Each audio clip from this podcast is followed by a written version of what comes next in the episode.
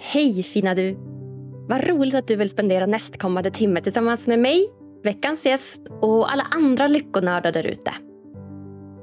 Du lyssnar på världens bästa lyckopodd tillsammans med mig, Agnes Sjöström. Och den här podcasten den är till för dig som generellt sett redan mår ganska bra men som är nyfiken på livets små och stora frågor och vill utforska hur du kan må ännu bättre. Något jag har lärt mig under alla de åren som jag har drivit eget företag det är att du inte får vara rädd för att be om hjälp. Du kan omöjligt besitta alla de professioner som krävs för ett fungerande bolag själv. Och även om du gör det så är det svårt att få tiden att räcka till till att både agera vd, försäljningschef, säljare, projektledare, produktskapare, ekonomiansvarig, marknadschef och så vidare. och så vidare. Ja, du hör ju. Jag har haft turen att lära känna Joella Skog. Ja, ni vet coachen i personligt varumärke som gästade podden i avsnitt 223. Hon bjöd in mig till sitt VIP-program, Brand Accelerator Program där hon utbildat och coachat mig och många andra företagare i hur du på ett strategiskt och väldigt roligt sätt bygger upp ditt personliga varumärke på sociala medier. Ja, det har varit så kul och helt perfekt för mig som så gärna vill dela med mig av all den lyckokunskap som jag nu besitter. Både via sociala kanaler, men också genom föreläsningar, workshop och liknande tillställningar. En av de absolut viktigaste nycklarna som Jölle har lärt mig när det kommer till att bygga just ditt personliga varumärke så är det autenticitet. Att vara autentisk, genuin, att vara sig själv hur härligt är inte det? Tänk att få lära sig att vara mer sig själv. Att ju mer genuin du är, desto starkare och mer trovärdigt blir ditt personliga varumärke. Ja, jag bara älskar det. Bort med alla masker och var mer dig själv. Bästa, bästa. Är du företagare och känner att du behöver stärka ditt personliga varumärke? Ja, då tycker jag absolut du ska kika in hos Joella på brandacceleratorprogram.com för att få veta mer Veckans gäst var inte långsam med att slå lyssnarrekord när han gästade podden sist. Utöver Alexander Bards avsnitt så är han nog den man som ni lyssnat mest på under kortast tid. Och jag är inte särskilt förvånad. Veckans gäst, Dr. Diamantis Kukovinios, gästar idag Lyckopodden för andra gången för att dyka djupare in i kinesisk medicin, stagnerade känslor och egots betydelse. För er som inte känner Diamantis så jobbar han med kinesisk medicin, naprapati, funktionell medicin och livsstilsförändringar. Den eh, kinesiska medicinen den skiljer sig en del från den traditionella västerländska sjukvården. Och det märks att det finns en stor nyfikenhet och ett stort intresse för den här i Sverige. Diamantis han är också aktuell med sin nya bok Hormonell harmoni, den holistiska vägen. Dagens avsnitt det är en förlängning på det fantastiska samtalet vi hade tillsammans i avsnitt 210. Så om du inte lyssnat på det än så tycker jag att du ska börja där. Vi fortsätter grotta in oss djupare i Diamantis expertis och pratar bland annat om samhällsstrukturer, egots betydelse, känslor, tankar, trauman och mycket, mycket mer. Varsågoda!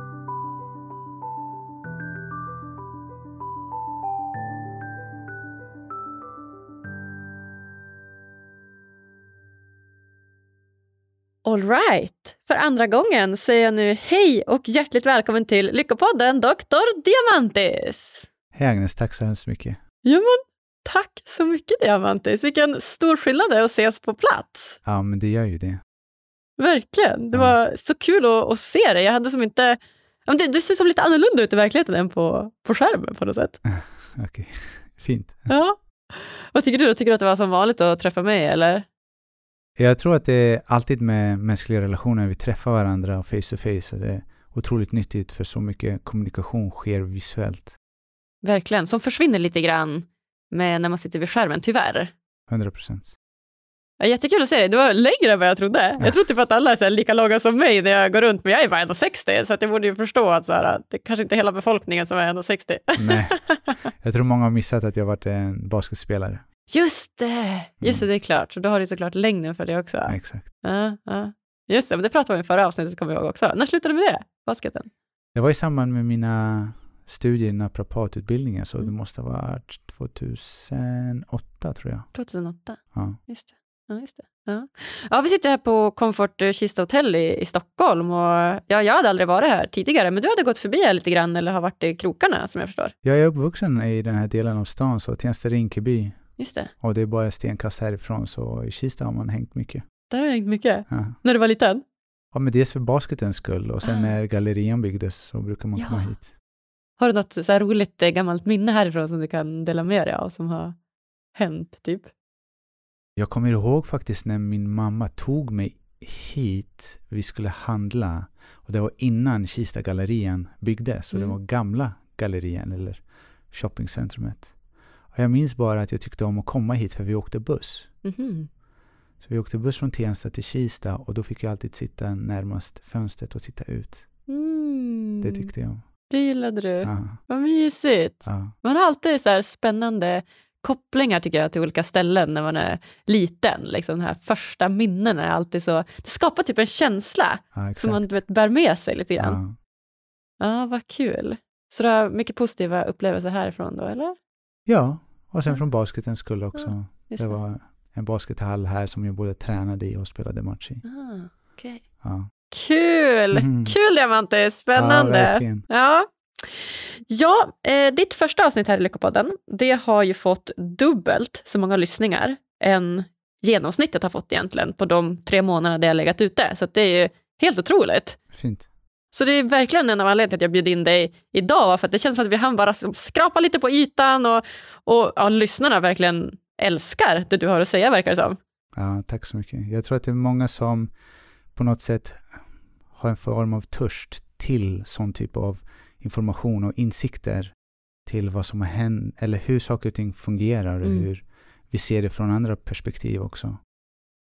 För många bär ju på frågor till varför mår jag som jag mår och varför gör jag som jag gör. Och de har kanske inte svaren.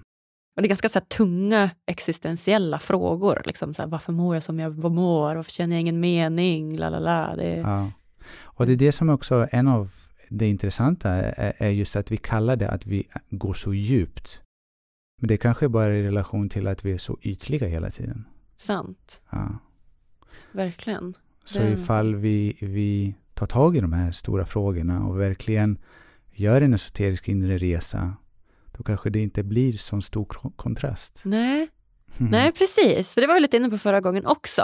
Ja. Den här inre resan som, som många pratar om. Så här, jag måste göra min inre resa och vem är jag? Och de här äh, stora Mm. frågorna. Och det ligger ju någonting i det. Och, men du kommer ju från en bakgrund inom kinesisk medicin. Ja, eh, där finns det integrerat också. Just så det. det, det psykologiska tänket. Så det är inte psykologi i sig. Men det är mycket som överlappar med psykologi. Förutom det så är också den taoistiska filosofin. Mhm. Där kom lite mer i djupet och mer existentiella frågor. Okej, så det är Mm. någon, ett sidospår då utöver den här kinesiska medicindelen? Precis, eller? så Ja. daoistisk filosofi, därifrån kommer då bland annat feng shui, vilket är Mm. heminredning. Mm. Vi har också då kinesisk medicin. Så den här yin och yang-symbolen, det är Mm. en daoistisk symbol. Så det har inte kopplat direkt till kinesisk medicin, Mhm. men man använder det sig av som ett verktyg för att kunna observera och förstå saker och ting i relation till varandra. Det är mycket begrepp nu. Det är taoismen och det är daoismen. Precis, det är samma sak. Man Okej. an- använder sig av um, det ordet. Man kan säga taoism eller daoism. Just det. Båda betyder samma sak. Okej, okej, okej. Mm. Och om du ska förklara det kortfattat då, liksom, vad står det för?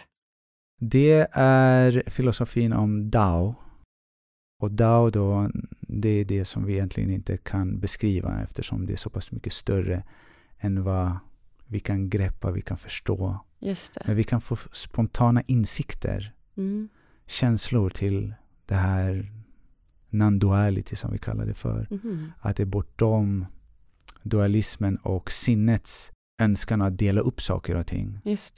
Allt blir svart och vitt. Och det är när man då upplever den spontana objektiva sanningen och verkligheten Mm. än det subjektiva som vårt sinne beskriver oss att det är så det är. Ja, just det. Men det är bara min tolkning. Ja, just Mm. det. Det man tolkar. Man, ja, just det. Så det som ligger lite bakom, det man inte riktigt kan ta på. Exakt. Ja. För att så fort, så fort sinnet är där och blir medvetet om att det observerar, då är det inte det. Så det måste vara helt 100% spontant. Och det är den här direkta känslan och upplevelsen, det är den som är så pass äkta. Den är så pass äkta. Ja. Ja. Så daoismen vill sträva mer åt det? Mer åt de här äkta upplevelserna eller?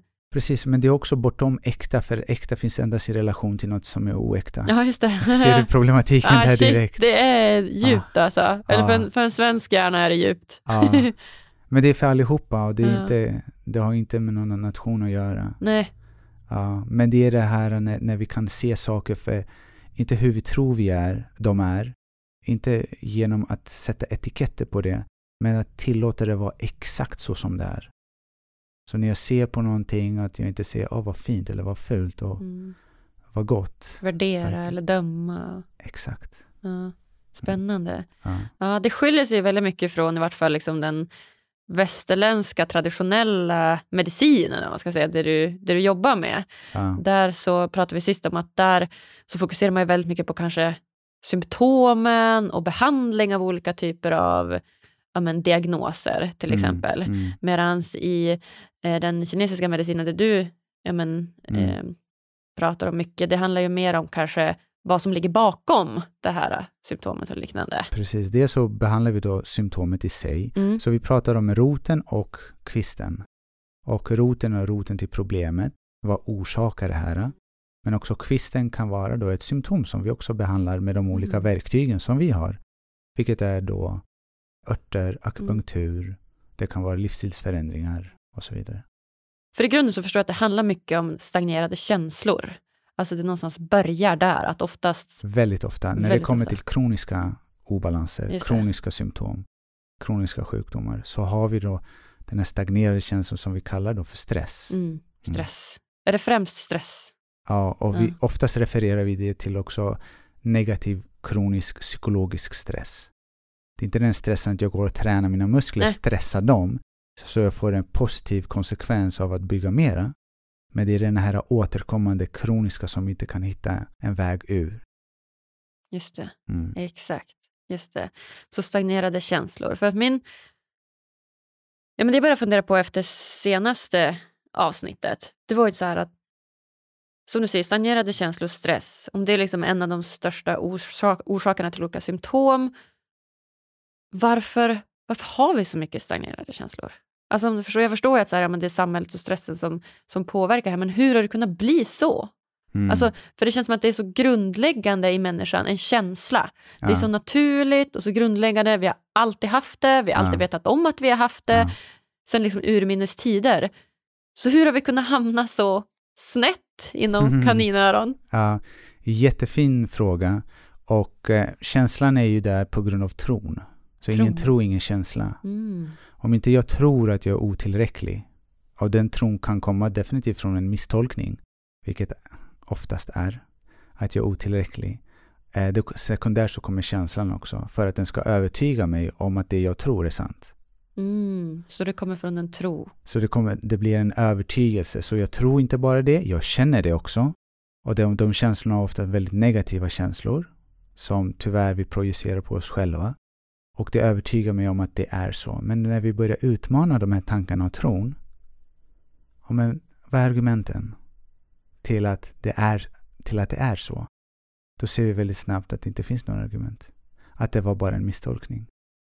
Så det här psykologiska lidandet, du vet, det går tillbaka hela vägen tillbaka till Buddha.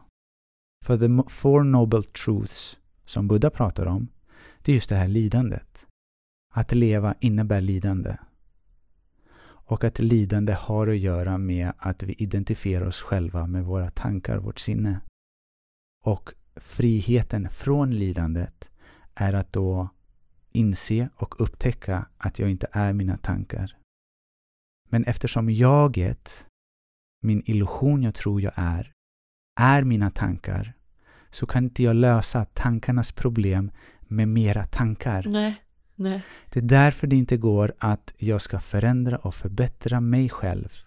För det blir min illusion jag tror jag är, ska göra någonting nu i tron om att i framtiden kommer jag komma till en plats där jag kommer uppleva "Ah, Nu är jag framme, nu är jag fri. Det är som att ego försöker förutspå sitt egen död. Men i själva verket så handlar det om att inse allt vi inte är. Inte att försöka hitta dig själv, men att upptäcka. Du ser, hitta är det någonting, det finns någon som letar. Mm. Det är en Mm. väldigt maskulin och väldigt aggressivt sätt. Det, riktningen är utåt. Jag ska hitta, jag ska hitta min partner. Jag ska hitta vad jag vill och jag ska hitta min väg i livet. Jag ska hitta vad som gör mig lycklig. Mm. Då frågar vi, vem är det som letar? Ja. ja. Medan att upptäcka innebär då att jag tillåter det komma till mig. Mm. Det enda som jag har att göra, det är att vara fullständigt här och nu. För det är endast då jag kan också tillåta det komma till mig. Och när jag är här och nu, jag är mer i mitt hjärta. Medan när jag, jag är i framtiden och det förflutna, mer i mitt sinne. Och när vi, vi är mer i vårt hjärta, vi är också mer i vår intuition. Och vi tillåter oss själva att lyssna och känna efter. Och väldigt ofta det är det barn inte har fått göra. Mm. Ungdomar inte har fått göra. Så de tvingas in till ett beteendemönster av det psykologiska blivande som Mm. jag kallar det i boken. Och det psykologiska blivandet är då i tron av att jag inte är tillräcklig. Mm. Att jag behöver bli någon. Exakt. Ja men verkligen. Och, det, så, och där är som loopen sluten på något Exakt. sätt känns det som. Exakt. Men så här, hur har vi kunnat hamna där? alltså, vi är ju människor på den här planeten som har fötts in till den här planeten som har liksom utvecklats genom urminnes tider, liksom, Ja. från ett litet grodyngel till apor till Homo sapiens, till Ja. människan. Och vi, har ju, vi är liksom födda med en hjärna som kan tänka och vi är födda med ett hjärta som kan pumpa ut blod. Alltså vi har ju våra så biologiska grund, grundläggande kroppsdelar. Mm. Så min fråga egentligen är så här, hur kan det vara så att vi liksom har blivit skapta utifrån det här, liksom, som du säger, psykologiska lidandet med de olika liksom, kroppsdelarna som vi har? Ja. Du ser, samtidigt som det finns en fysisk och biologisk evolution, det finns också en evolution i medvetandet. Mhm. Om vi går tillbaka några generationer och kollar tillbaka till min farfar och deras generation och min, mina föräldrars generation. Det pratades inte så mycket om just det här. Nej. Det är nästan som eh, evol- det medvetandets evolution, det rör sig också och blir mer komplext. Mhm. Och därav spontant helt plötsligt är det nu jättemånga som börjar prata just om det här. Om trauman, om anknytning och att befria sig själv från sina egna tron och indoktrineringar. För att kunna tillåta sig själv biologiskt och fysiskt, att kroppen ska kunna fungera som den ska. Och mentalt, att man ska kunna uppleva det här, vad lycka är för någonting. Just det. Ja. Så har vi förändrats, har medvetandet, medvetandet förändrats rent biologiskt eller är det bara att vi har blivit mer medvetna? Vi? Vi blir medvetna eftersom det kollektiva medvetandet har också sin evolution. Mhm. Och du ser i den här resan så kommer de här olika konflikterna komma, komma upp. Som vi ser i samhället idag med polariseringen mer och mer. Men det är, också, det är bara endast ett steg som förbereder oss för någonting större. Hmm. Så vi är i en lång evolutionär resa? Ja, men det är så. Och vi måste se det också bortom individen och, och, och titta mer på det kollektiva. Eftersom i den här inre esoteriska resan, då upplever man också eh, vid en tidpunkt då att även individen är någonting som inte existerar. Oj, oj, Ja, individen existerar inte. Hur menar du då? ja men idén jag tror jag är, du vet, på, på ett väldigt djupt och fundamentalt plan. Ja, ja, ja. Det, det är ju bara en, en, en rörelse av ett mönster, en rytm utav tankar. Just det. Ja. Och så finns det betraktaren som observerar allt det. Mm, just det. Spännande. Och då blir då frågan, den här betraktaren, Ja, det är den här känslan, jag finns, jag är. ja, Vilket är bortom namn och form ja. och bortom tid och rum. Och den känslan, jag finns, jag är, den kan jag med säkerhet säga att så länge jag har levt har den varit densamma. ja. Men min idé jag tror jag är, Den har förändrats med tid. Ja. Alla labels man sätter på sig själv. Liksom. Exakt. Så alla de här etiketterna behöver ju fästa på någonstans. Ja. Och jag ser det som en ljuspelare. Den känslan jag finns, jag är. För den, varför ljuspelare? Jo, för att den är så subtil, man kan inte ta på det. Så fort jag försöker greppa det med mitt sinne, då försvinner det. Men den här känslan när jag inser att jag inte är min kropp eftersom jag har en kropp. Jag inte är mina tankar eftersom det är jag som betraktar dem. Mm. Jag inte är mina känslor för det är jag som observerar dem. Mm. Då hamnar vi i en plats av just bara stillhet. Och jag kan inte försöka, försöka hitta på ord hur jag ska beskriva det, för då måste jag gå tillbaka till mitt minne. Mm. Så det blir fullständigt tyst Mm. psykologiskt. Ett öppet medvetande skulle jag, alltså känns, det- känns det som för mig. Så här, man bara är där. Man bara är, exakt. Ja. Ja, Och det så- finns heller ingen där eller här. Du Nej. ser, Exakt, det bara är. det bara är. Ja. Men jag har också haft de liksom, tillfällen där jag upplevt just den, den upplevelsen. Man ska säga. Jag var på ett, eh, ett eh, meditations och yoga-retreat nu över midsommar. Ja, Och det var jättelärorikt. Eh, dels så ja, men stängde vi av våra mobiltelefoner då under tre dygn ja. och vi levde i eh, så här silent hours typ. Så att eh, varje morgon så gick vi upp och yogade och mediterade då vid halv åtta. Men varje, varje förmiddag till typ klockan två så var det, alltså var vi bara helt tysta. Vi fick inte Mm. prata med varandra. Mm. Och det var så givande att få vara tillsammans men att inte säga något. Alltså Exakt. bara vara, vara tysta tillsammans. Ja. Och när vi hade gjort det här då, typ två, tre dagar, Mm. då landar man ju verkligen i något annat än den här stressade vardagen. Och då, vi hade också så många roliga övningar som vi gjorde då för att liksom på något sätt så quiet our minds. Eller du vet, få, få oss att landa lite mer i kroppen och inte vara så mycket i tanken. ja. För ofta är tanken väldigt stark och den säger så mycket till oss och kanske hjärtat och kroppen den viskar lite försiktigt. Så här, Mm. den, den vill knacka på och så här, Mm. hallå, lyssna på mig. Men Mm. ofta är liksom vi så upptagna av våra tankar. Men det var verkligen så himla fint och hur, hur bara känslorna fick flöda fritt.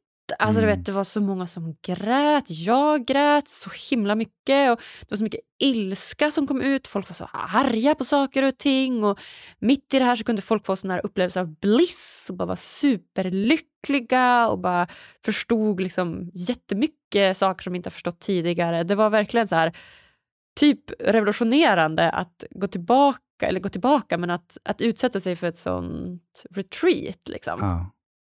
Och det är så otroligt nyttigt. Ah, Och jag tror att det behövs mycket mer av detta hos allihopa. Mm. För just det har blivit så, så enformigt med just bara prestation. mm, Och vi är i våra tankar så pass mycket att vi inte ens vet om att vi är bara i våra tankar. mm, Vi är så omringade och tänker bara på det vi tänker på. Att vi inte ser någonting annat. Men det är det jag menar, att så här, samhället har liksom utvecklats bort från människans Mm. grundläggande behov på något sätt. Eller vårt grundläggande väsen. Ja, Hela samhället är bara baserat på ekonomi, prestation, göra, ja, den vi är, alltså så här, det vi vill bli. ja, exakt. Och det, är det, så här, det blir sån dissonans från den människan som vi skapat till att bli till det samhället som vi har skapat att vi ska leva i. Mm. Alltså det är så, så bakvänt på något sätt. Först och främst behöver vi också tänka på att vi är samhället. Ja, det är det jag menar. Vi har Samhälle- skapat. samhä- Eller vi är. Precis. Okej. Vi, alla vi individerna är samhället. Ja, är så samhället. allt som finns där ute och vi ser samhället, och så, det är för att det finns så i oss. Just det. Just Och det. det ser jag bara för att vi ska fokusera inåt. Det har Inåt. bara med oss att göra. Mm, För det är så lätt att peka, ja men det är samhället eller det är det ena Mm. eller det andra. mm, Sen är det att industrin har gjort så att de rider på den här vågen av osäkerhet. För att när vi har, börjat, när vi har blivit objektifierade av våra föräldrar och vi kommer in det psykologiska blivandet genom att vidare objektifiera oss själva, mm, så kommer också, då har industrin hijackat den här, låt oss säga, smärtan mm. och säger, ah, vill du vara unik? Här, köp det här, du kommer vara så unik. Mm. Eller gör det där, du kommer vara så unik. Mm. Eller här har du en app, här kan du verkligen vara unik. Mm, mm. Och då är vi inne, för att allt bottnar egentligen i, i samma sak. Den här misstolkningen av vem vi tror vi är och vem vi tror vi behöver bli Mm. för att vara tillräckliga. Mm, just det, det är Mm. sant. Men vi har ju ändå någonstans då utnyttjat, alltså vi, jag, Mm. utnyttjat människans osäkerheter, svagheter eller liksom Mm. holes liksom, för att dra nytta av oss på ett sätt som inte alltid är så fördelaktigt för oss. Ja. Och det här går hela vägen tillbaka till The Origin of Species med Charles Darwin och den eh, citatet Survival of the Fittest, Mm. vilket egentligen inte var han som sa det, men det var Herbert Spencer. Och vi tror, det finns också eh, ett område inom ekonomin som är, socialdarwinism, vilket innebär då att det är på något sätt att rättfärdiga att ifall jag med mitt företag kan se till att alla andra kan gå i konkurs, då är jag framgångsrik. Mm. Mm. Så när alla andra blöder, det är då jag, Då är jag bra. då är jag bra. Mm. Det har blivit så skevt. Mm. Och naturen fungerar inte så. Det är Nej. därför boken som ett svar till Origin of Species, vilket är Mutual Aid, Mhm. skriven av Kropotkin, en rysk filosof och naturalist. Fantastisk bok, jag Mm. rekommenderar alla den. Mm. Han, han presenterade, för han var ute i Sibirien och studerade naturen, jag vet inte hur många år han var där ute. Men han upplevde och upptäckte verkligen hur det inte bara att flera individer inom samma art hjälper varandra för allas överlevnad, men det finns flera olika typer av arter och det här kan, behöver inte bara vara djur, men det kan vara djur, insekter, växter som hjälper varandra för allas överlevnad. Så naturen, i alla fall, det, det, allt pekar mot att naturen fungerar på det sättet Mm och inte survival of the fittest. Mm. Okej, så vi hjälper varandra. Det är så. Och människan då som är ett flockdjur har ju endast överlevt på grund av samarbete. Ah, Mm.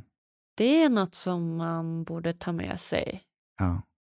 Att vi hjälper varandra. Och det är mycket mer trivsamt och kärleksfullt känns det som än survival of the fittest. Liksom. Min lycka blir din lycka. Ja, Din lycka blir min lycka. ja, Det finns ingen skillnad. nej, Så mina bästa intressen blir dina bästa intressen. ja. Så fint.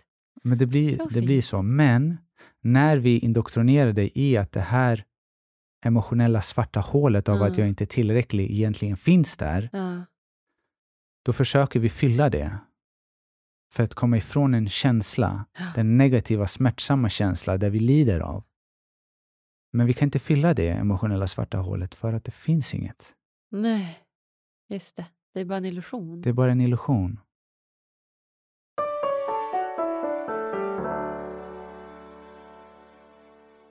Veckans avsnitt är sponsrat av Tell Sverige AB. Hörni, ni som känner mig, ni vet att jag har haft svårt att trivas som anställd på olika arbetsplatser. Det har egentligen inte spelat någon roll vilken anställning det är. Utan mer att jag inte uppskattat den uråldriga företagskulturen som oftast råder med gamla hierarkiska strukturer som ofta lever sig kvar på arbetsplatsen. Jag har så svårt för företag som inte förstår att faktiskt individen är den absolut viktigaste resursen på en arbetsplats. Och de ska tas om hand och prioriteras. Men vet ni vad? Nu är det löst. Världens bästa IT-företag, Tell Sverige AB, är ett framgångsrikt och expanderande bolag med visionen om att bli Sveriges mest framtida arbetsplats. Alltså, hur coolt är inte det? Vilket mål! Alla ska vilja vara anställd på Tell och alla ska vilja vara kunder hos dem. Och ja, vad innebär nu det då? Jo, alla beslut som Tell tar, de tas med syftet mot att bli Sveriges mest framtida arbetsplats.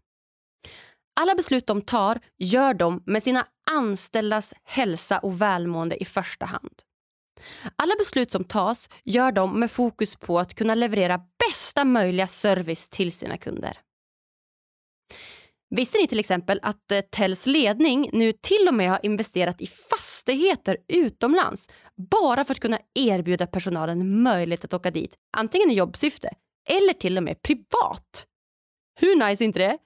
Jag tror, om jag inte minns helt fel, att det är Alperna och Spanien de har investerat fastigheter i hittills. Vilka himla drömställen! Både fjällen, skidåkning, snowboardåkning och sommaren, sol och badet. Och som kund så kan du till och med ringa en fredagkväll klockan 22 och få bästa möjliga servicen för just dina IT-problem. Ja, det är som att ringa till en god vän och snacka lite skit och samtidigt lösa dina IT-problem. Så himla bra. Ja, om jag någon gång vill bli anställd igen, då kommer jag vända mig raka vägen till Tillsverige AB. Och Eh, i avsnitt 235 får du dessutom chansen att lära känna deras delägare och försäljningschef Therese Jakobsson och hennes väg ur psykisk ohälsa och panikångest mot målet att bli Sveriges mest framtida arbetsplats. Och i höst så kommer du dessutom få chansen att lära känna deras jordnära VD Per Gabrielsson och varför just han valde att förändra hela Tells företagskultur för x antal år sedan. Ja, tack bästa Per, Therese och Tell Sverige AB för att ni vill hjälpa till och göra Sverige till en lite lyckligare plats.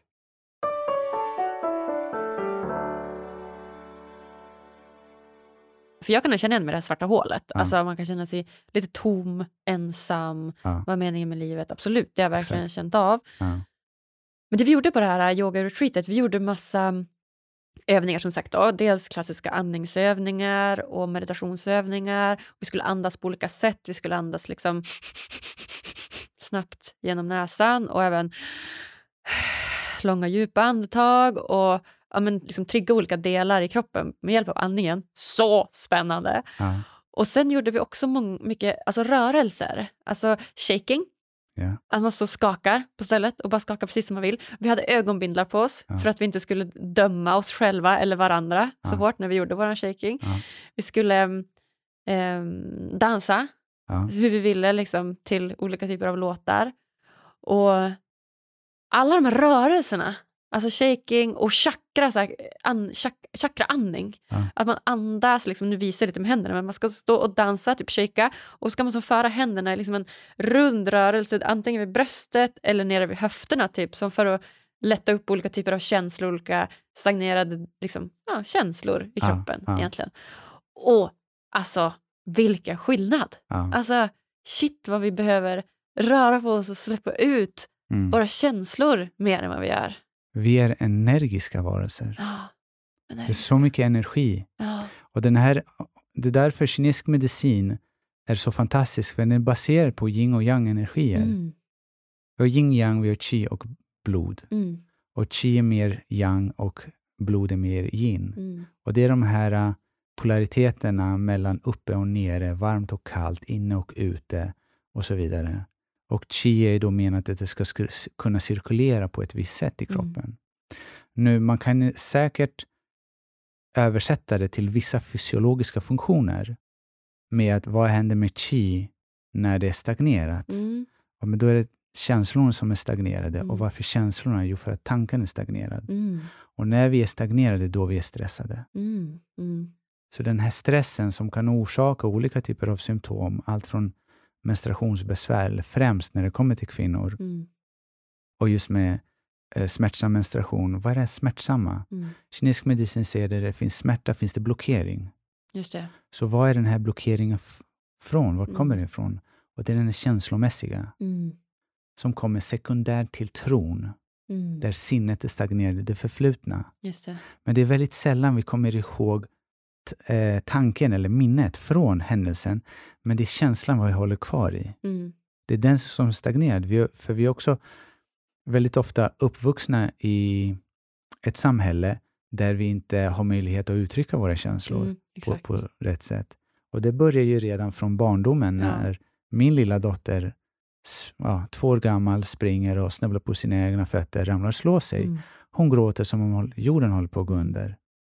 Det är hennes rätt och det är otroligt viktigt att hon får detoxa sig själv emotionellt ja. och gråta ut utan att jag distraherar henne eller försöker övertyga henne att hennes upplevelse inte stämmer genom att, säga. Ja, genom att säga nej, det är okej, det är inte Ah, så farligt. ja, Jo, men det var farligt för Ja, henne. exakt.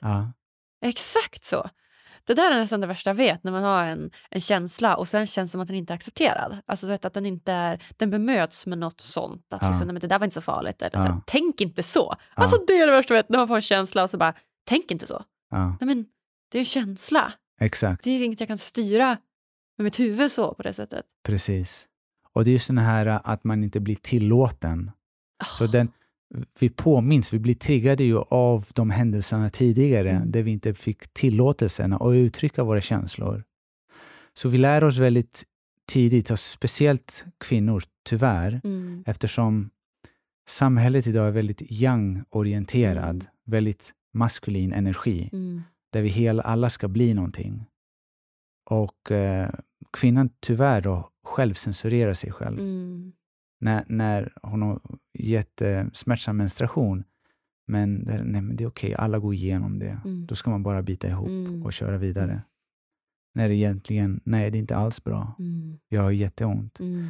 Och jag, det här är anledningen till varför Mm. jag skriver också min andra bok, vilket är Hormonell harmoni, Just det. den holistiska vägen. Just att för att man ska inse och förstå allt det här det. och kunna ta tag i det här själv. För det finns så mycket man kan göra. Och man behöver inte, om man inte vill då, p-piller. Det är inte den enda lösningen. Det finns andra verktyg Mm. också. Jag har ingenting emot något verktyg. Alla har sin tid och plats. Men det är så många som inte vill. Mm. Så hur kan man själv då skapa förutsättningarna för att komma till det här tillståndet där jag bara är? Mm. Att jag, inte att vi under dagarna går på stan och säger ja, I'm a nobody. Mm. Att vi bara, vi har definitivt utmaningar i livet. Mm. Men det är inte problem, det är utmaningar. Vi växer med dem, de Mm. bryter inte ner oss. Och den här upptäcktsfärden som livet är, att vi ser den på ett väldigt vackert sätt. Och vi inkluderar också alla känslor. Mm. Men vi är inte stagnerade i någon i det förflutna. Mm. När jag mår dåligt, jag får gråta, det är Mm. okej.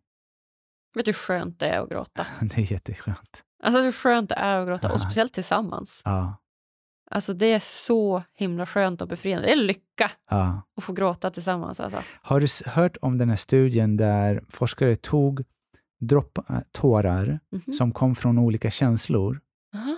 och de frös ner dem och gjorde dem till... ehm, först så såg man att den ha- har olika typer av vibration. Det är olika typer av frekvens i dem. Aha. Och sen så när man frös ner dem och gjorde dem till små iskristaller så hade, hade alla olika typer av former. Är det sant? Ja. För att just den här energin som tårarna bär med sig Ja. är så olika. Är det sant? Ja, om det kommer tårar från glädje, om det kommer från frustration, det kommer från sorg, om det kommer från glädje. Det, allt är olika. Wow! Ja, Det är next level alltså. ja det är jättefint. Ja, det är jättefint. Ja. Ja. Och det är så viktigt att kunna uttrycka sina Mm. känslor, för annars Mm. stagnerar de Mm. i kroppen. Och den här stagnationen, den vibrationen som egentligen behöver detoxas, den kommer störa kroppens underliggande rörelse Mm. av energi. Mm. Och där enligt kinesisk medicin uppstår olika Mm. besvär. Så mer shaking, mer andningsövningar, mer meditation, mer dans. Det borde vara obligatoriskt för allihopa. Obligatoriskt!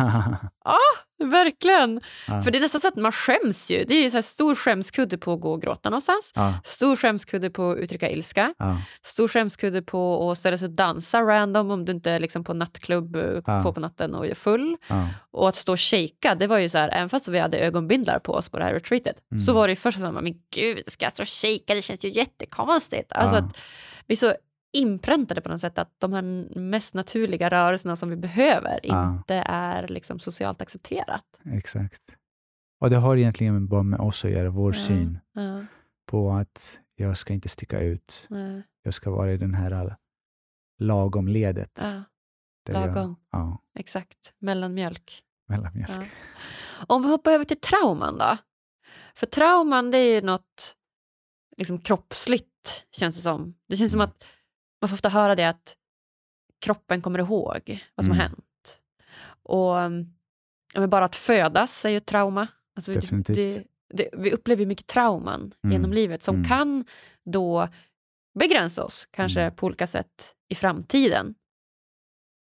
Hur bör man liksom tänka där om man har mycket trauman? Är det också känslor egentligen? Eller vad är ett trauma? Liksom? Trauma är hur vi relaterar till det som har hänt oss. Just det. En stark reaktion. Precis. Ja. Så den, den här starka reaktionen att det här hände mig. Ja. För att vi, jag brukar ta det här exemplet, det är ganska um, grovt, men jag tror att man kan förstå det här. Alla som har fött barn vet hur det känns att föda barn och vad som kan hända där nere. Man kan spricka, man kan Mm. blöda, det är fruktansvärt ont och så vidare. Man behöver sys. Men absolut majoriteten, efter bara några år, vill göra om det. ja, Ja, eller hur? exakt. Och man, det är inte så att vi håller agg heller mot barnet. Nej, nej. Eller hur? Men, och det är det jag menar, att det är upplevelsen på vad som har hänt och det är inte händelsen i sig Ah, som det. skapar traumat. Okej, just Så det. om min far slog mig, samma slag skulle jag kunna få i en fotbollsmatch, i en basketmatch. Mm. En armbåge i mitt ansikte. Det hade inte varit ett trauma för mig, psykologiskt trauma. Men det är meningen, vad som hände mig. Det är intentionen och syftet bakom den händelsen som jag då tolkade som att det är på grund av mig det här hände. Det är det som sätter sig som en mental flisa. Säg att du blev slagen av din pappa då. Precis, så vi tar det exemplet. Vi tar Ja. exemplet med att jag blir slagen av min pappa. Så um, samma slag skulle jag kunna uppleva i en baskethall och få en armbåge i mitt ansikte. Mm. Det skulle inte vara ett trauma. Mm. Men eftersom det är min far som gör det, jag tolkar det som att det är på grund av mig. Okej. Att det var inte jag som är så som förväntas. Nej.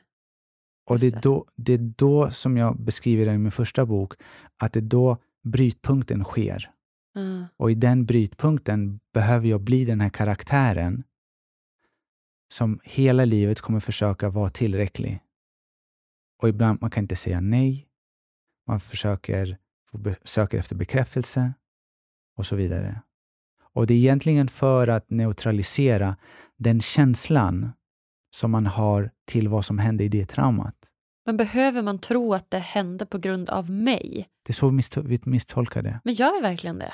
Vi, vi, ja, att. I, I was violated. Ja, Ja. jag blev skadad Jag eller blev slagen. Ja. Det, var, det, var, det, var no, det är någonting som, som är fel. hände Ja. mig. Så- Inte på grund av mig, Nej, men det hände mig. det hände mig. Ja. Du ser, i, när vi växer upp, det viktigaste vid anknytning, Mm. det är just att vi har möjligheten av vårt autentiska jag, Mm. men samtidigt också att vi ska få vår näring och kärlek från våra Mm. föräldrar. Mm. Så de här två sakerna behöver då uppfyllas för att vi ska...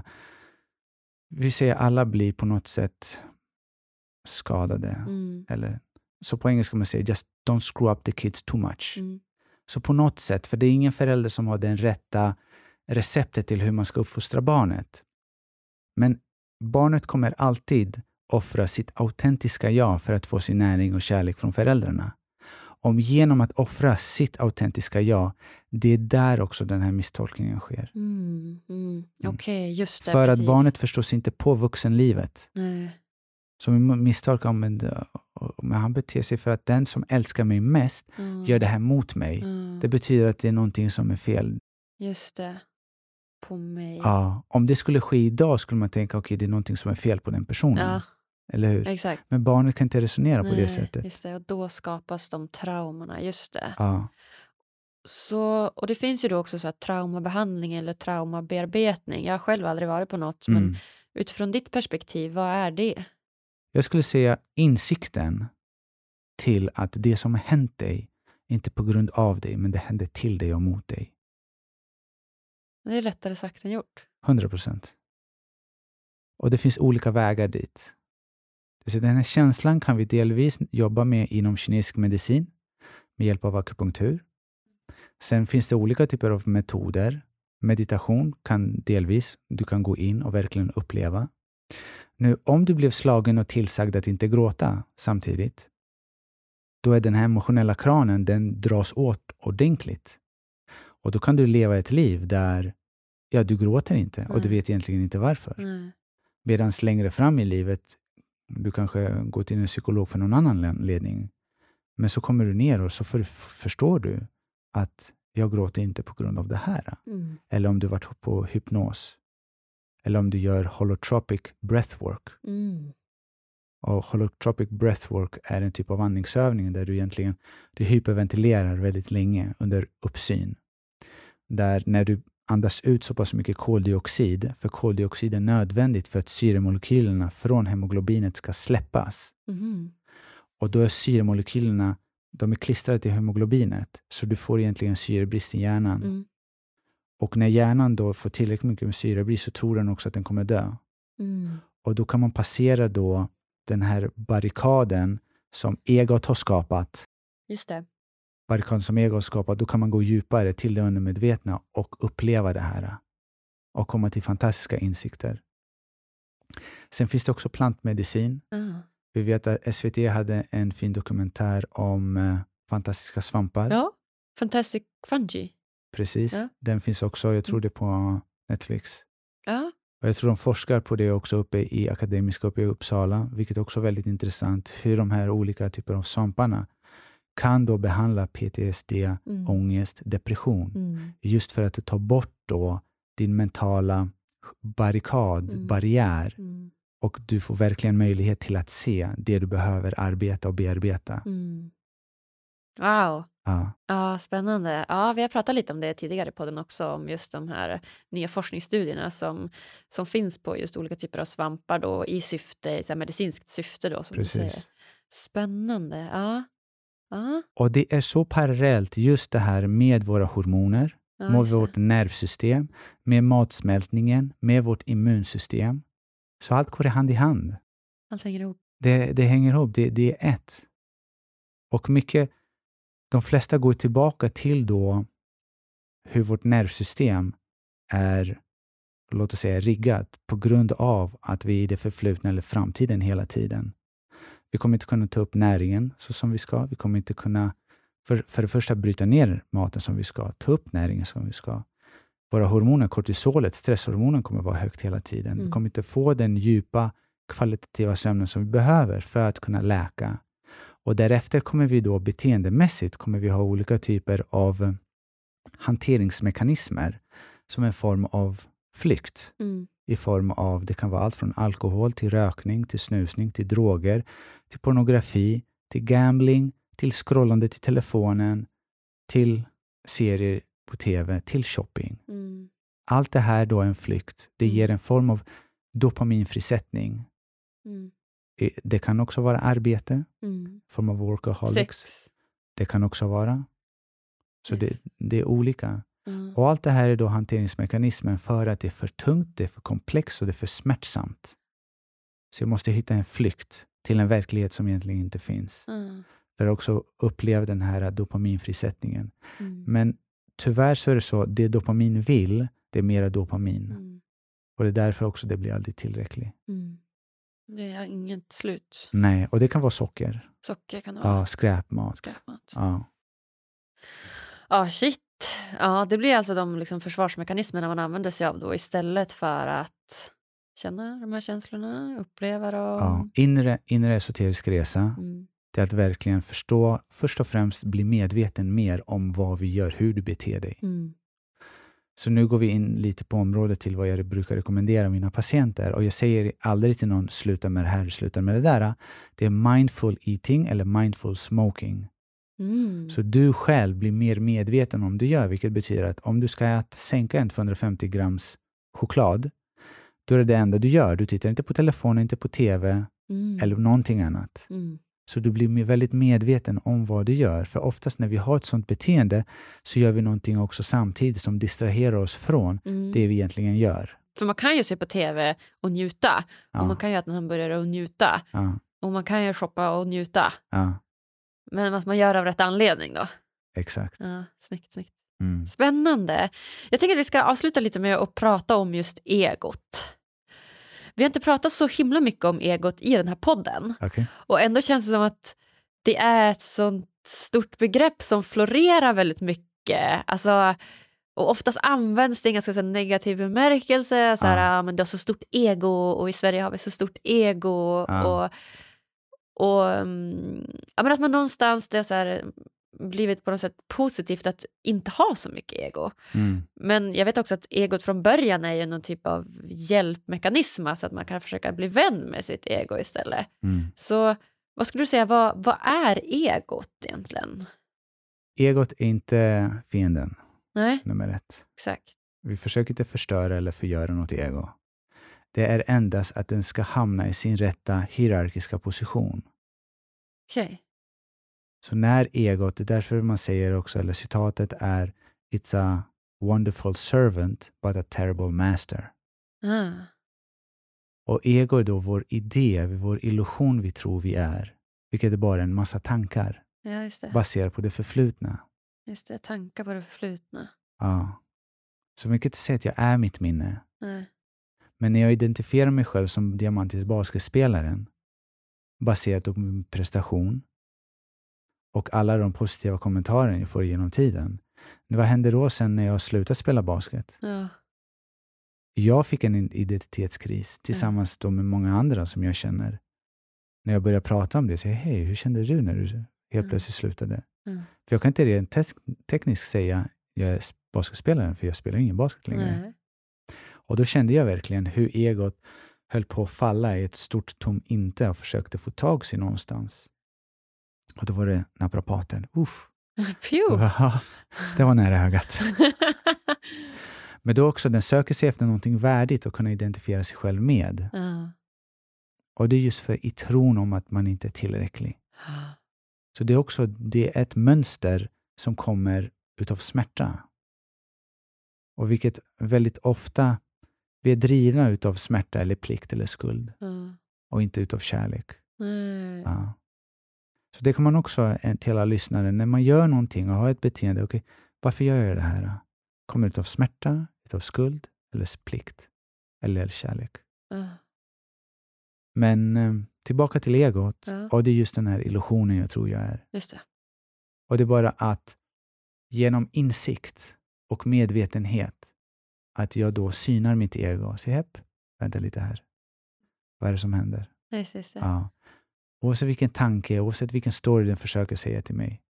Diamant, du behöver jobba hårdare. Du behöver få högre betyg. Du behöver se ut som den där. Vänta, vänta, kom hit. Låt oss ha ett snack.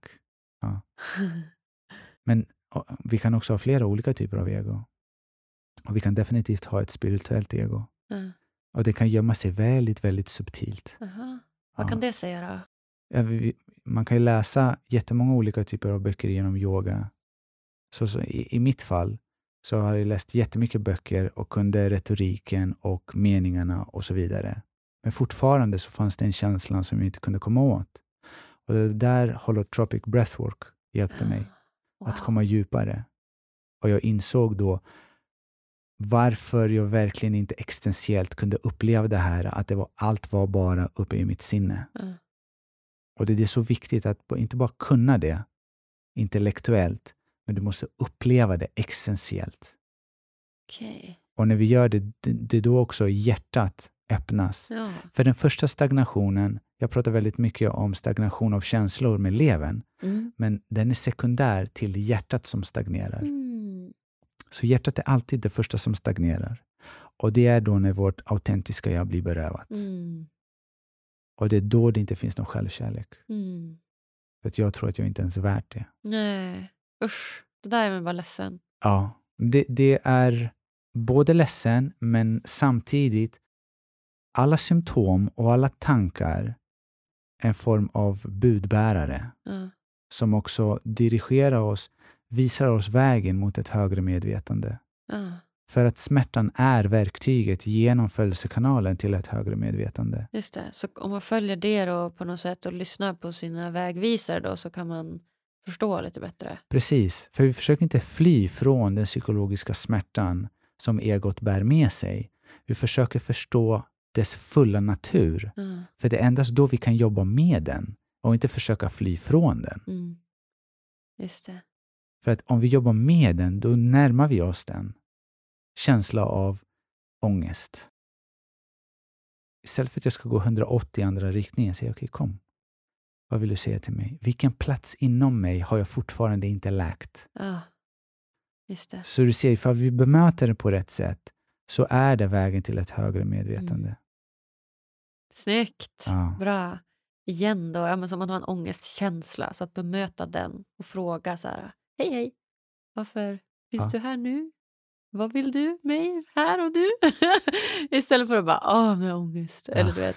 Att Och du- stå kvar i den känslan. Ja. är väldigt jobbig. Eh, ibland när man inte kan hantera den, gör det du behöver göra för att lätta på trycket. Men kan du genom då också olika övningar av andningsövningar och meditation, vilket är ditt förarbete och grundarbete, det alla borde göra. Det är också att du nu har verktyg till att kunna lugna nervsystemet så att när känslan kommer, sitt med den. ja, Mm. Fly inte från den. nej. Det är en budbärare. Ja, den vill Den vill ha din uppmärksamhet Ja, och för att den vill peka mot en plats som inte du har läkt inom dig. ja. Och så om man inte lyssnar då får man bara mer ångest och mer ångest och mer ångest för den vill ju någonting, säger ju någonting. Man försöker Exakt. inte lyssna, gå vidare, springa framåt och så blir det starkare och starkare. Ja. Det är som den hunden som vill leka med dig. Ja, Ja. exakt. Och när du ignorerar den, då då den är så här, kom igen, mera, mera, mera. Ja. exakt, exakt. Ja, spännande! Så Ja. vänd dig mot din ångest och prata med den istället då. Och ta in den i ditt hjärta. Innen i mitt hjärta. Precis. Vackert. För det du behöver veta är att du kan inte gå sönder. Du är Nej. safe. Ja. Ja. I am safe. ja. Stanna där. Och till och med kom, kom in i mitt hjärta. Wow. För hjärtat är verkligen då vår plats. Vi blir vår inre alkemist. Ja.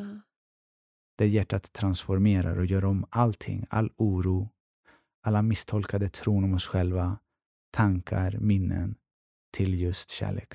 ja. Fint. Mm.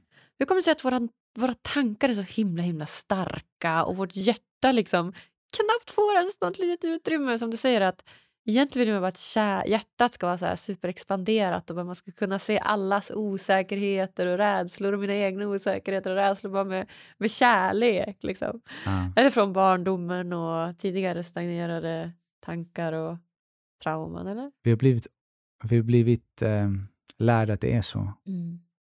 Att våra tankar är starka, det är bara ännu en tanke. Ah. Vi kan ju välja att tro på den eller välja att inte tro på den. Men det är svårt. Det är inte bara att välja. Och det är också en tanke, att det är svårt. Det ser.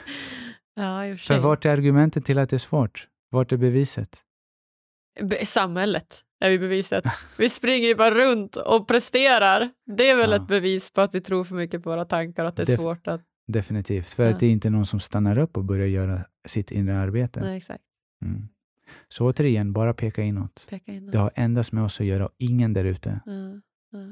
Det är den riktiga läkningen. För jag berättar också till mina, mina patienter att det vi gör på kliniken, det är bara att se till att egot inte tar med sig kroppen in till graven för tidigt. ja, just det. Den riktiga läkningen, det är din esoteriska resa. Just det. För att endast när du upplever allt du inte är och upptäcker dig själv i ditt hjärta, som hela ditt nervsystem hamnar i här och nu. Och endast då kan också hormonerna komma i balans, immunsystemet fungerar som det ska och så vidare. Wow. Och ett exempel är när folk har det väldigt stressigt och sen går de på semester, Ah, de slappnar av, då har immunsystemet tid att ta hand om alla infektioner som ligger latent och de blir jättesjuka. ah. Classic. Eller att man säger oj shit, vad är meningen med livet nu? Nu har jag sprungit på här på jobbet i åtta månader av vad det nu är, hur många man nu jobbar och så bara springer man på. Ja. Alltså fler, fler yoga-retreats till folket alltså. Det var verkligen en, Mm. en upplevelse. Ja. Och som typ, ja men ett, ett långt läkande. Alltså det var bara fantastiskt. Mm. Så verkligen, det är verkligen något som, som, som vi behöver tror jag. Idag. Jag tror vi behöver gå över från att överleva till att verkligen leva. Leva, Ja. exakt. Gå ifrån den här rädslan hela tiden som Ah. vi blir bombarderade dag ut och Ah. dag in. Ah. Konflikter har alltid funnits eftersom konflikt hos oss individuellt har alltid funnits. Ja, ja precis. Så vill du göra någonting för världen, gör din inre resa och befria dig själv från dina egna inre konflikter.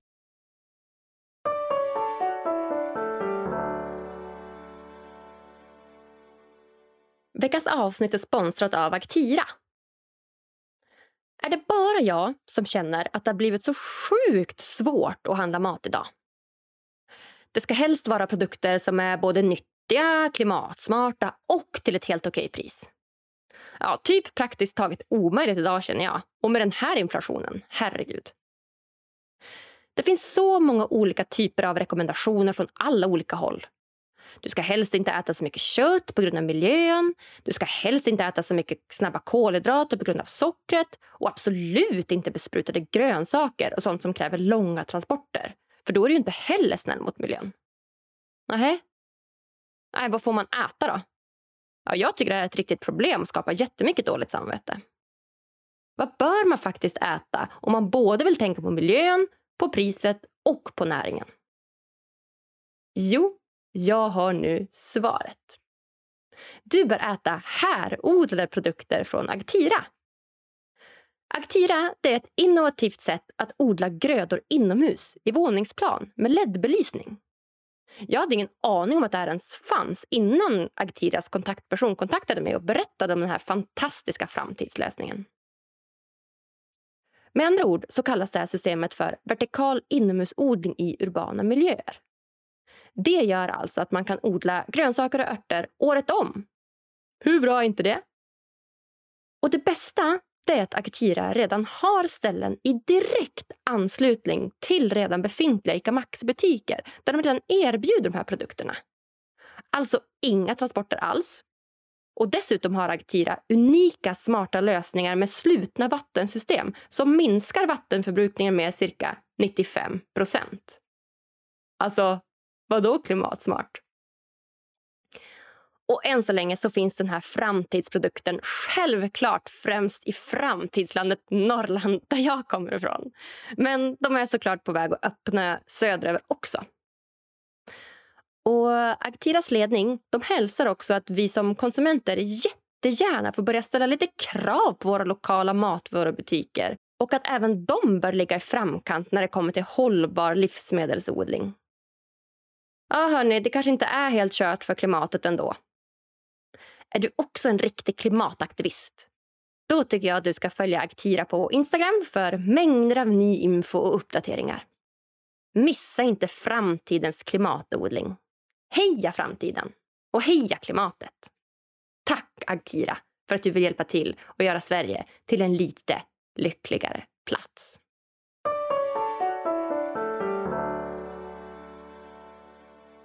I vilka fall skulle du säga att du behöver lyssna på egot och i vilka fall ska du liksom inte lyssna så mycket på egot? Kan man säga så? Ja, eh, jag skulle nog säga det vi gör, vi lyssnar för mycket på egot. Vi lyssnar för mycket på egot. Mm. Mm. Och vi ska se motpolen, då, intuition. Intuition. Just det, magkänsla. Ja, Lyssna på magkänslan. just det. Och det är nästan som att jag kan inte aktivt säga nu ska jag lyssna på min magkänsla. Nej. Den kommer. Ja. Men när den kommer, du vet när den kommer. Ja. Och följ det. Du måste ge den plats också. Exakt. Du måste få plats att komma. Pre- absolut. Och ju mer vi tillåter det, desto mer plats tillåter vi också att den ska uttrycka sig. Just det. Så det är en bara positiv snöbollseffekt Ja. av att möjligheten till att lyssna inåt och känna efter skapar mer utrymme, mer utrymme skapar mer möjlighet. Ja. Och vi blir då mer intuitiva. Och det sker ju spontant. Ja. Jag kan inte vara spontan på beställning. Nej. Det är samma sak med intuitionen. Och den här magkänslan. Och delvis kommer det också från att vi har då vår tarmflora och, och hela fysiologiskt och biologiskt hur hela tarmen är uppbyggd. Det kommer ju därifrån. Vi kallar det för vår andra hjärna. Mm. 90 procent av all serotonin produceras i, Mm. i tarmen. Så vi har en direkt koppling mellan tarmen och hjärnan, tarmen och hormoner. Det är otroligt komplext. Och så har 90 procent av Sveriges befolkning typ IBS-mage. alltså. IBS-mage, vi skulle kunna kalla det för stressmage. Det har att göra med stress. Ja. Vi fight or flight hela tiden. Ja. Hur ska magen kunna fungera ifall den tror att du är under krig, under hot? Mm. För det är vad stress är. Det finns inga nyanser. Det är on eller off. Ja. Och när vi är i det psykologiska blivandet, där vi är hela tiden konstant stressade, Mm. då kommer det fungera som det ska. Mm. Vi bryter inte ner mat som vi ska. För det första, vi äter inte ens det vi ska. Nej. Vi hinner inte ens tugga igenom Nej. det vi bör äta. Och den maten som vi inte borde äta, som är ofullständigt nedbruten, den kommer ner i magen. ja. Där det inte produceras tillräckligt mycket magsyra eftersom vi är i fight or flight. Den ska sen vidare ner till tarmarna. Och hur pass mycket galla kommer det? Det kommer inte så mycket galla. Ja. Många har gallstas på grund av stress, stagnerade känslor. Det är klart det skapar en obalans i tarmfloran längre ner. 100 procent. ja, det är inte konstigt, Diamantis, att eh, ditt förra avsnitt hade liksom dubbelt så många lyssnare i snitt än vad det brukar. Det är nog kunskap du sitter på alltså. Ja. Men det är intresse. Det är intresse. Intresse, nyfikenhet. Ja. Ja. Och verkligen så här rätt i tiden på något sätt. Alltså här i Sverige just nu. Ja. Och det- mycket kommer också från egen erfarenhet för att Mm. jag var själv sängliggande i ett halvår. Okej. Jag och kronisk borrelia. Så olika typer av system hade fallerat i min kropp. Mm. Min lever kunde inte avgifta sig som den ska. Min mage var helt paj. Ja, Och vart börjar man? Jag var tvungen att bli min egen läkare. just det. Och bara att jag sitter här och kunnat börja träna igen, det är bara Mm. ett tecken att kroppen kan läka. Ja. Och när vi säger egentligen att kroppen läker, vad vi egentligen menar är att den fungerar som den ska. Visst är det ironiskt? ja, det är ironiskt. Det är inte så att den har en växel som heter nu ska vi läka. Nej. Det är egentligen att den fungerar som den ska. Ja.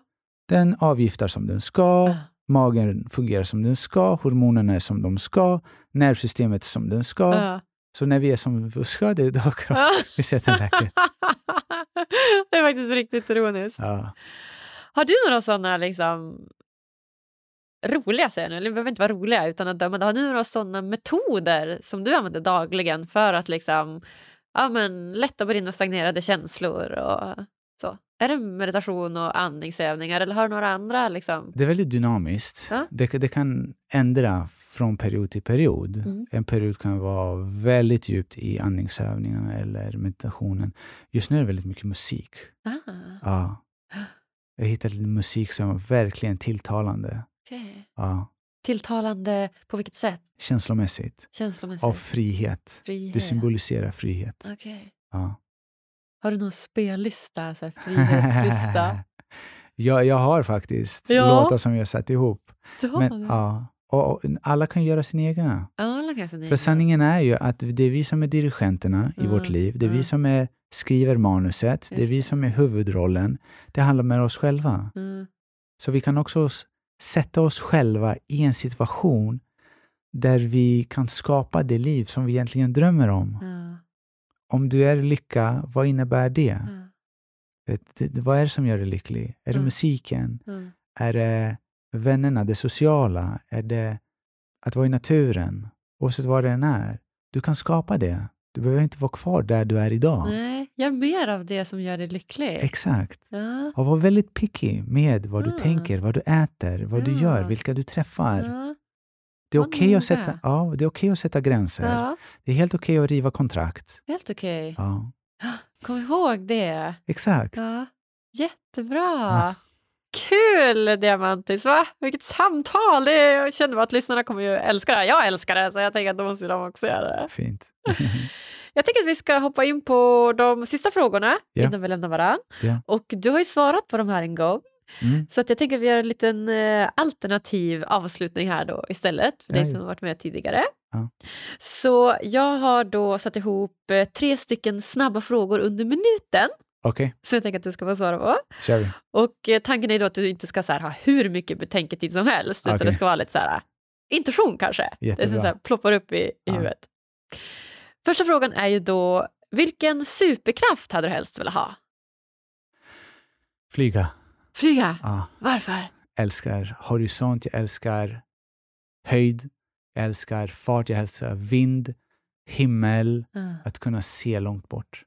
Ja, Ja. fint. Frihet. Frihet också. ja, det symboliserar frihet. Ja, det ser väldigt fridfullt ut när det fåglar flyger. Ja. Jag blir lite avundsjuk. det är en av mina bucket lists, så nästa vår ska jag lära mig skärmflyga. Dig själv flyga? Skärmflyga. Jaha, skärmflyga. Jag tror så nästa år ska jag lära mig själv flyga. Hur gör Nej. du det? Det är, nej, skärmflyga. Ja, snyggt paragliding typ. Exakt. Ja, I Åre kanske? Nej? Eh, Jag tror att det finns här i Stockholm. Vi börjar här, sen rör man sig kanske lite norrut mot Ja. Åre.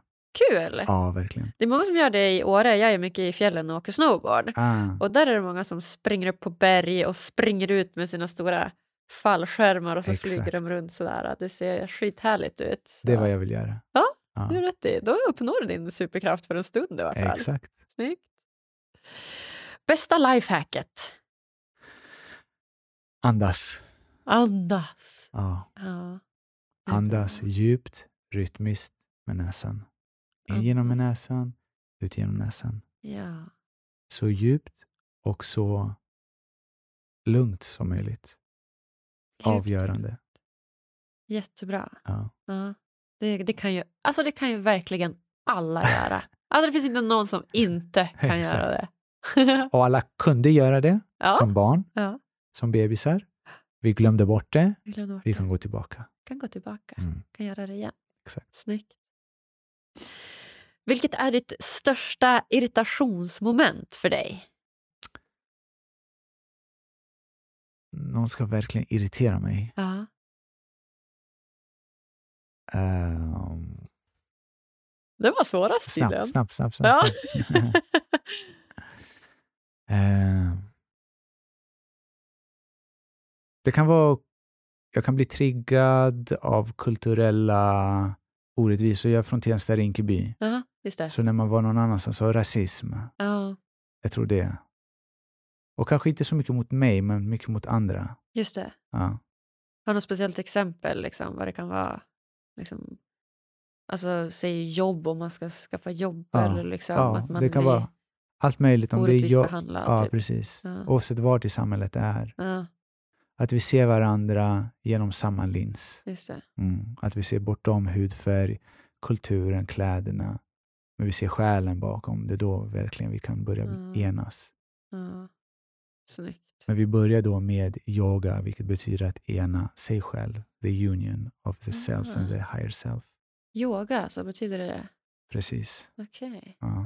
fint. Ja. Ja.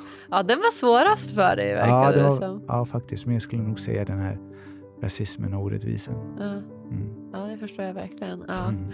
Ja, shit Diamantis, vilket avsnitt det här blev. Jag är Jättefint. helt säker på att lyssnarna kommer tycka det här blir helt magiskt. Jag är helt såld redan. Ja, så att, eh, ja, jag säger bara tack, tack, tack snälla, snälla du för att du kommer och gästa mig igen på Lyckopodden! Min ära. Tack så mycket Agnes. Tack!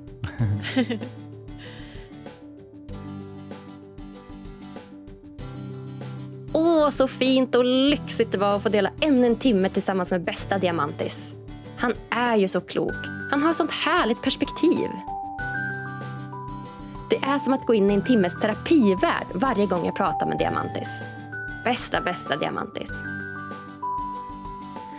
Uppskattade du också det här avsnittet?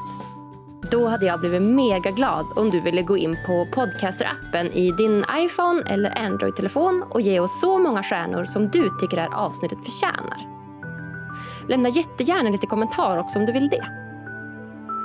Och vill du veta mer om mig och få ännu mer lyckotips och inspiration då tycker jag dels du ska följa vår Instagram, Lyckopodden heter vi där, men också lägga till mig i ditt nätverk på LinkedIn. Agnes Sjöström heter jag där. Då lovar jag dig att du inte kommer missa något som helst lyckotips. Vi hörs på tisdag igen. Lyckopuss till dig!